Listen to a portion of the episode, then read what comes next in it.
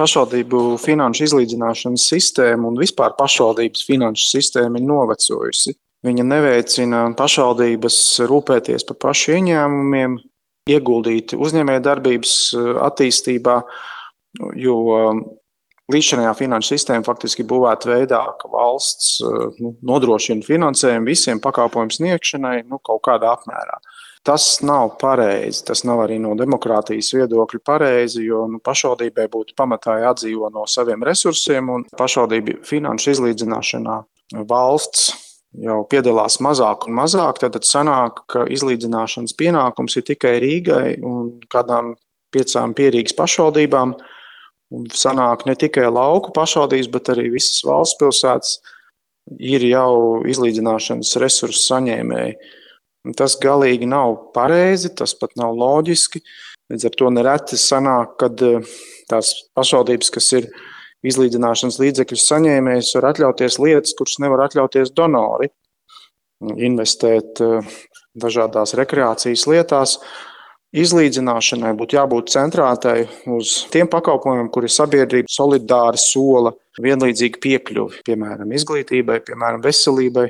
Novada un to vajadzības gan ir atšķirīgas investīciju politikai, kas ir Eiropas fondos vai arī valsts investīciju programmā, jo tāda pāris gadus mums bija, būtu arī jābūt vērstai tomēr, lai viņi risinātu katram reģionam specifiskās problēmas. Nu, piemēram, pierīgā tāda drīzāk būs izglītības iestāžu paplašināšana vai jaunbūve, un savukārt reģionos tam uzsveram būtu vairāk būtu jābūt tieši uz uzņēmējdarbības attīstību, uz ražošanas attīstību, darba vietām. Jo ko dod mums veidot pakalpojumu pieejamību reģionos, ja viņus, nezinu, 5, 10 gadu laikā nebūs kam uzturēt? Mums ir jāatgriež dzīvība kaut vai novadu centros vai pilsētās. Ja. Un kā šajos sāpīgajos jautājumos var iesaistīties jūsu vadītā ministrija? Šai sakarā varams tieši uz investīciju politiku plāno veidot mērķētāku pieeju, proti, veidot reģionāli nedaudz atšķirīgus kritērijus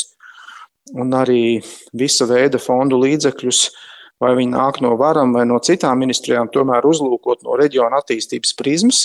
Un noteikti būtu jādomā par kaut kāda veida iedzīvotāju ienākuma nodokļa sasaisti pēc darba vietas. Tātad, lai nav tā, ka pašvaldībām tikai jārūpējas par saka, savu guļam rajona izklaidēm, bet jādomā par to, lai būtu vairāk darba vietas, jo viņi no tā gūst labumu tieši caur šo darba vietu pazīmi.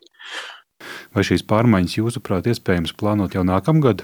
Tātad šis gads būs, būs plānāks, bet ja mēs naski strādājam 23. gadā, stiprinam reģionu lomu, stiprinam lēmumu pieņemšanu kopā valsts ministrijām ar pašvaldībām tieši par pakalpojumu tīklu, es domāju, ka jau 24. gadā mēs varētu dažādas lietas darīt efektīvāk.